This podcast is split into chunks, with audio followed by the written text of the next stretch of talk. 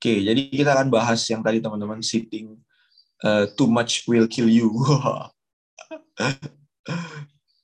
jadi ini apa pembahasan nih. Tuh, ini infografisnya saya ketemu teman-teman. Kata-kata di atasnya aja udah udah ngeri banget gitu kan. Sitting is killing you. The truth about sitting down. Nah, jadi orang-orang yang duduk terlalu lama itu berpotensi untuk tadi udah kita bahas meninggal lebih cepat ya.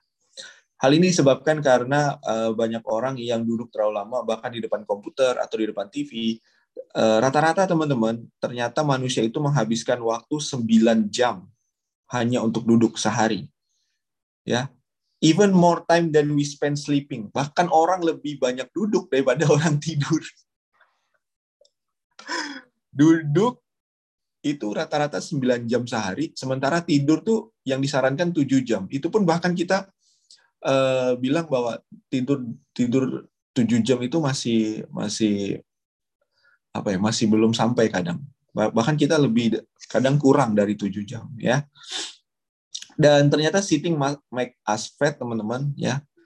Uh, dilakukan penelitian di tahun 1980 sampai tahun 2000 ditemukan bahwa rata-rata orang yang duduk lama itu nih obese people sit for 2.5 more hours per day than thin people. Jadi ditemukan data bahwa orang-orang yang obesitas itu biasanya duduk lebih lama 2,5 jam sehari dibanding orang yang slim atau orang yang langsing, teman-teman. Jadi kalau misalnya orang yang langsing duduknya 3 jam, uh, obese people, orang-orang yang obesitas biasanya duduknya 5 5,5 jam atau ke atas ya.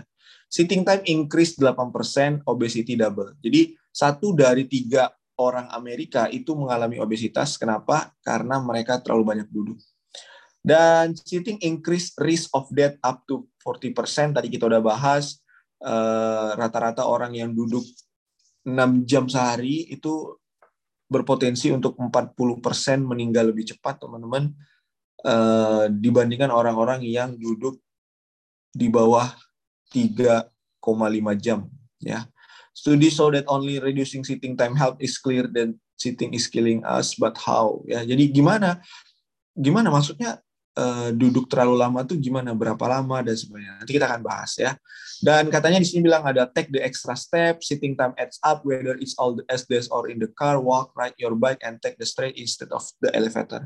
Jadi dia bilang kalau teman-teman punya uh, kondisi di mana teman-teman mengharuskan duduk di depan komputer, depan laptop atau apa pun itu, teman-teman harus duduk sepanjang hari, usahakan teman-teman uh, bergerak aktif ya. Jalan ke atau gunain sepeda ke atau pakai naik tangga, pokoknya dia bilang kayak gitu, teman-teman. Ya. Atau teman-teman bisa uh, lihat itu kalau duduk ini kan biasanya terkait dengan postur tubuh ya yang terlalu condong atau tegak lurus. Nah, itu katanya yang disarankan itu adalah 135 derajat. Tuh, ya. Nah, ini nih yang menarik nih, teman-teman, ya. Emang kenapa sih kalau kita duduk terlalu lama, emang apa penyebabnya? Nah, saya, saya menarik infografisnya. Yang pertama adalah as soon as you sit, setelah teman-teman langsung duduk, electrical activity in the leg muscle shut off. Jadi kita duduk, bagian uh, otot kita di bagian legs, bagian kaki itu langsung nggak aktif lagi teman-teman, shut off. Pada saat kita duduk tuh langsung udah nggak ada kontraksi lagi, langsung relaksasi bagian otot bagian kaki. Terus kalori burning drop to one per menit. Jadi setiap satu menit pembakaran kalorinya itu jadi berkurang teman-teman. Setiap satu menit, bukan setiap satu jam, setiap satu menit pada saat kita duduk. Kemudian enzim that help break down fat drop 90%. Bahkan enzim yang berpotensi atau bertugas untuk mencerna dan melakukan metabolisme terhadap lemak itu 90% teman-teman. Langsung drop down, langsung menurun kinerjanya pada saat kita duduk terlalu lama ya after two hours, setelah dua jam kalau kita duduk terlalu lama, good kolesterol drop 20%. Kolesterol baik dalam tubuh kita tuh langsung menurun 20% setelah dua jam. Artinya setelah 4 jam turun lagi 20%. Setelah 6 jam turun lagi 20%. Dan after 24 hours, setelah 24 jam masih aja duduk, insulin effectiveness drop 24% and risk of diabetes rises. Jadi insulin kita menurun dan uh, beresiko timbulnya penyakit diabetes. Hmm. People with sitting jobs have twice the rate of cardiovascular disease as people with standing job. Orang-orang yang duduk, orang-orang yang punya pekerjaan duduk terlalu lama itu punya dua kali uh, potensi beresiko terkena penyakit kardiovaskular daripada orang-orang yang bekerjanya berdiri, teman-teman. Nah, jadi those who sit three hours or more per day watching TV are 60% more likely to die from heart disease. Jadi kalau teman-teman duduk terlalu lama atau nonton atau uh, apa nonton TV atau di laptop atau apa pun itu tiga jam setiap hari itu 64% beresiko terkena penyakit jantung dan uh, kalau teman-teman punya extra hour ya itu bisa 11 persen. 11 persen meningkatkan risiko kematian. Oh my god. Hanya dari duduk aja teman ya. So itu tadi infografisnya. Sekarang kita bahas tentang artikelnya. Saya buka dulu uh, artikelnya. Seperti biasa teman-teman artikelnya ini uh, berkaitan dengan evidence base juga ya. Jadi ada didasari dengan bukti ilmiah. Dan dia muncul dituliskan di tahun 2019 diterbitkan di tahun 2019 oke. Nah jadi dia bahas tentang is sitting too much bad for your health? Ya tahun 2019 dan evidence base oke So modern society, modern society is designed for sitting. Ya betul kan.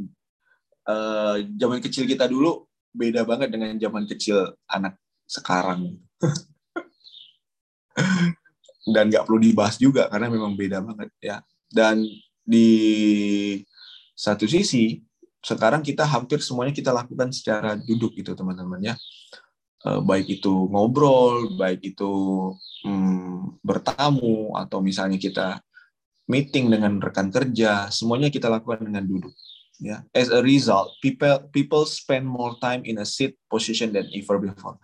Jadinya tuh teman-teman, tanpa kita sadari, seperti yang tadi saya bilang di awal, kita bahkan duduk lebih lama dibanding kita tidur. ya, karena rata-rata orang menghabiskan waktu untuk duduk itu kurang lebih 9 jam. Ya, sementara tidur aja kadang 7 jam. Itu pun kadang masih kurang. However, you may wonder whether excessive sitting could have negative health effects. Ya. Dan ada banyak juga orang yang udah bahas bahwa ada banyak sekali uh, efek negatif yang ditimbulkan ketika kita duduk terlalu lama. Dan ini kita akan bahas people sit more than ever before. Sitting is a common body posture when people walk, socialize, study, or travel. They often do so in sit position, ya kan? Mau kita meeting, mau kita bekerja, mau kita bersosialisasi, mau kita ngobrol, nongkrong-nongkrong, atau uh, kita perjalanan jauh, atau kita lagi jalan-jalan, kita sering sekali tanpa kita sadari duduk terlalu lama, teman-teman. Ya, However, that doesn't mean that sitting and other sedentary behavior are harmless. Ya, bukan berarti nggak boleh duduk juga, gitu kan?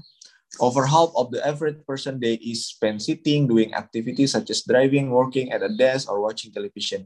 Bahkan tanpa kita sadari kita uh, naik kereta, kita duduk, kemudian uh, naik gojek atau naik motor kita duduk. Pokoknya kita berkendaraan ke mana pun kita juga duduk, teman-teman. Ya. In fact, the typical office worker may spend up to whooping 15 hours per day sitting. Tuh bahkan ada yang ada ada juga penelitian yang bilang bahwa rata-rata para karyawan atau para pekerja itu duduk 15 jam sehari teman-teman. 15 jam sehari oh my god. On the other hand agricultural workers only sit for about 3 hours a day. Nah, tapi di sisi lain ada juga orang yang uh, bekerja dengan cara standing atau berdiri teman-teman dan mereka duduk biasanya hanya tiga jam sehari sisanya mereka berdiri mereka bergerak beraktivitas Dan sitting limits the number of calorie your burns. Ini yang tadi kita udah bahas bahwa kalau kita duduk terlalu lama itu uh, secara tidak langsung postur atau tindakan yang kita lakukan dengan duduk terlalu lama itu justru membuat kalori yang terbakar jadi lebih terbatas, teman-teman. Your everyday non-exercise activities such as standing, walking, and even fidgeting still burn kalori. Ya, berdiri, berjalan, atau fidgeting, ya ngapa-ngapain aja itu masih bakar kalori. Tapi kalau duduk justru membatasi pembakaran kalori. This energy expenditure is known as non-exercise activity thermogenesis atau biasa kita sebut dengan NEAT, the lack of which is an important risk factor for weight gain. Dan seperti yang sudah dijelaskan sebelumnya teman-teman bahwa pembakaran kalori itu kan dalam tubuh kita terbagi menjadi empat. Yang pertama adalah basal metabolic rate (BMR), kemudian yang kedua adalah uh, TEF (thermic effect of food) ya pembakaran kalori pada saat kita mencerna makanan. Kemudian yang ketiga adalah exercise activity thermogenesis pada saat kita olahraga. Dan yang keempat adalah non-exercise activity thermogenesis.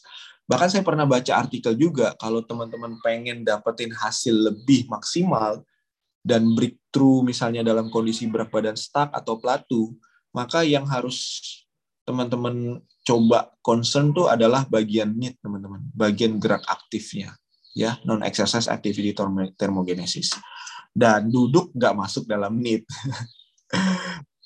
Ya, jadi this energy expenditure is known as non-exercise activity thermogenesis, the lack of which is important risk for factor for weight gain dan sedentary behavior, ya gaya hidup yang eh, nggak uh, aktif, including sitting and lying down, termasuk juga dengan duduk ataupun berbaring, involve very little energy expenditure. It severely limits the calorie you burn through need. Jadi semakin lama teman-teman duduk, semakin lama teman-teman berbaring, semakin sedikit kalori yang terbakar. To put this into perspective, uh, studies report that agricultural worker can burn up uh, 1000 kalori per hari dan people working desk job. Wow. Jadi ada penelitian yang bilang bahwa uh, orang-orang uh, yang bekerja di agrikultural atau di pertanian atau orang-orang yang bekerjanya hmm, aktif teman-teman ya tidak duduk terlalu lama itu bisa membakar 1000 kalori sehari daripada orang-orang yang duduk terus di meja kerjanya. This is because farm workers spend most of their time walking and standing. Jadi intinya adalah bagaimana teman-teman lebih banyak uh, dapetin aktivitas yang buat yang buat teman-teman jadi lebih aktif ya. Oke, kemudian yang berikutnya adalah sitting increases your risk of weight gain. Jadi ada penelitian juga teman-teman yang bilang bahwa kalau duduk terlalu lama itu justru membuat resiko teman-teman jadi naik berat badan. The fewer calorie you burn, the more likely you are to gain weight. Ya jelas karena tadi duduk terlalu lama membakar kalorinya juga sedikit banget ya. This is why sedentary behavior is so closely linked to obesity. Makanya banyak eh, banyak yang bilang bahwa gaya hidup mager, non aktif itu lebih dekat erat kaitannya dengan obesitas. In fact, teman-teman, faktanya penelitian menunjukkan bahwa orang-orang dengan obesity itu biasanya mereka sit for an average of two hours longer each day than do people with normal weight. Kalau kita bandingkan nih orang yang normal weight dengan yang orang obesitas, terus kita lihat data dia duduk, durasi duduknya aja, itu biasanya lebih banyak orang yang obesitas dibanding orang-orang yang uh, normal weight, berat badannya normal. Nah. Kemudian uh, berikutnya adalah sitting is linked to early death. Nah, ini ya iya saya tahu kalau kematian itu uh, berhubungan dengan takdir, terus berhubungan dengan uh, apa? udah jalannya segitu, udah waktunya dipanggil gitu kan. Tapi ada penelitian juga yang menunjukkan bahwa duduk terlalu lama itu berhubungan dengan kematian dini, teman-teman, mempercepat kematian. Observational data from over one million people. Jadi ada satu juta orang nih di di observasi, teman-teman. Eh, dihasilkan bahwa mereka semakin mereka nggak aktif, semakin mereka akan meninggal lebih dini. teman-teman. In fact, the most sedentary people had a 22 until 49% greater risk of early death. Bahkan teman-teman, penelitian menunjukkan bahwa orang-orang yang berada di gaya hidup tidak aktif itu berpotensi beresiko meninggalnya itu 20 22 sampai 40 49 persen. Ya nggak nggak pasti meninggal juga, tapi beresiko untuk uh, jadi meninggal sejak dini teman-teman. Ya jadi However, even though the majority of evidence supports this finding, one study found no link between sitting time and overall mortality. Walaupun ada juga yang penelitian lain yang bilang bahwa enggak, enggak, enggak ada hubungannya duduk dengan kematian gitu ya. Jadi di studi had some flaws which is like explain why it contradicts all other research in the other area. Walaupun ini penelitiannya masih pro kontra, ada yang pro, ada yang kontra, tapi setidaknya kita uh, mengambil jalan tengahnya bahwa sitting atau duduk terlalu lama coba kita hindari, ya kita kurangi. Sedentary behavior is linked to disease dan udah jelas teman-teman semakin kita nggak aktif, semakin erat hubungan kita juga dengan banyaknya penyakit yang akan muncul. Sedentary behavior is consistently linked to more than 30 chronic disease and condition. Oh my God. Ya, jadi uh, gaya hidup yang tidak aktif itu secara tidak langsung udah dihubungkan dengan 30 penyakit kronis ataupun kondisi uh, termasuk 112 persennya itu meningkat resikonya teman-teman akan terkena uh, diabetes tipe 2 dan 147 persen resikonya akan terkena penyakit jantung kalau teman-teman duduk ataupun teman-teman memiliki gaya hidup yang tidak aktif. Penelitian menunjukkan bahwa jalan-jalan eh, aja nih teman-teman, 1.500 langkah sehari, ya, 1.500 langkah sehari, atau duduk for long period atau duduk dengan waktu yang lama without reducing calorie intake tanpa tanpa teman-teman atur pola makan terus uh, kalorinya defisit itu ternyata bisa menyebabkan munculnya yang namanya insulin insulin resisten. Insulin resisten otomatis berhubungan dengan diabetes, teman-teman. Ya. Bahkan teman-teman, para peneliti percaya, researchers believe that being sedentary may have a direct effect on insulin resistance. This effect can happen in as little as one day. Jadi peneliti juga percaya bahwa gaya hidup tidak aktif itu berhubungan erat dengan yang namanya insulin insulin resisten, ya. So bahkan di sini teman-teman agak agak gimana juga saya bacanya. Kenapa? Karena dia bilang bahwa exercise doesn't completely eliminate your risk. Dengan duduk terlalu lama, plus teman-teman olahraga juga nggak akan menghilangkan resiko teman-teman uh, untuk tidak terkena efek dari duduk terlalu lama. Wow.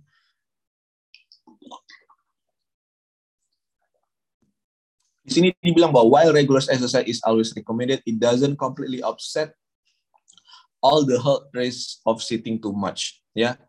Jadi eh, sederhananya adalah teman-teman duduk udah 8 jam 9 jam seharian terus teman-teman juga olahraga itu nggak serta merta langsung resiko yang tadi udah disebutkan di awal langsung hilang gitu walaupun teman-teman berolahraga. Jadi ada satu penelitian menunjukkan bahwa mereka meneliti 18 orang dan saat mereka melakukan satu jam intens olahraga did not make up for the negative effect on activity when other hours were spent sitting. Jadi nggak ada hubungannya juga katanya teman-teman. Ya, teman-teman mau duduk terlalu lama, terus teman-teman olahraga juga nggak ada hubungannya. Bahkan teman-teman eh, penelitian yang dilakukan kepada 47 hasil penelitian, a review of 47 study found that prolonged sitting was strongly linked to negative health outcomes regardless of exercise level. Bahkan nih teman-teman, orang yang duduk terlalu lama bukan hanya kesehatannya menurun, tapi level kebugarannya juga menurun. Sehingga ketika teman-teman duduk terlalu lama, terus teman-teman berolahraga, beda. Performanya beda. Kardionya beda, terus kalau mau angkat bebannya beda, intinya adalah semua level kebugarannya itu menurun ketika teman-teman duduk terlalu lama.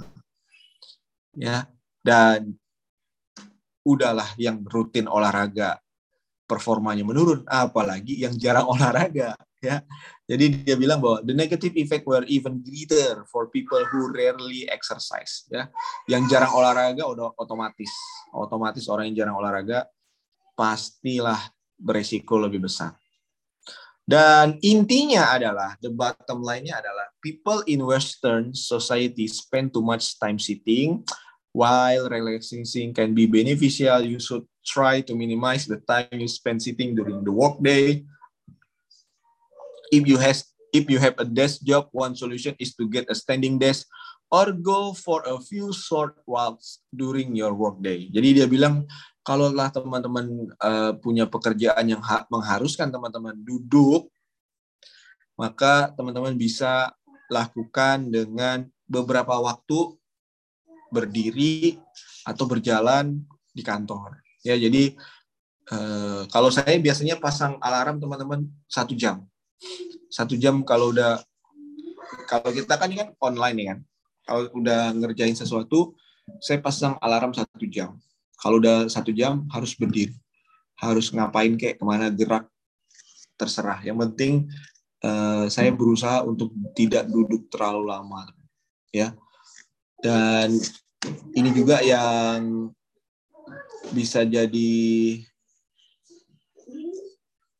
pengingat buat teman-teman semua bahwa duduk terlalu lama itu ternyata berisiko banyak hal, bukan hanya ke metabolisme, ke kesehatan, bahkan beresiko juga kepada potensi kematian kita. Nah, ya. Jadi itu yang harus kita mulai aware, guys. Oke. Okay.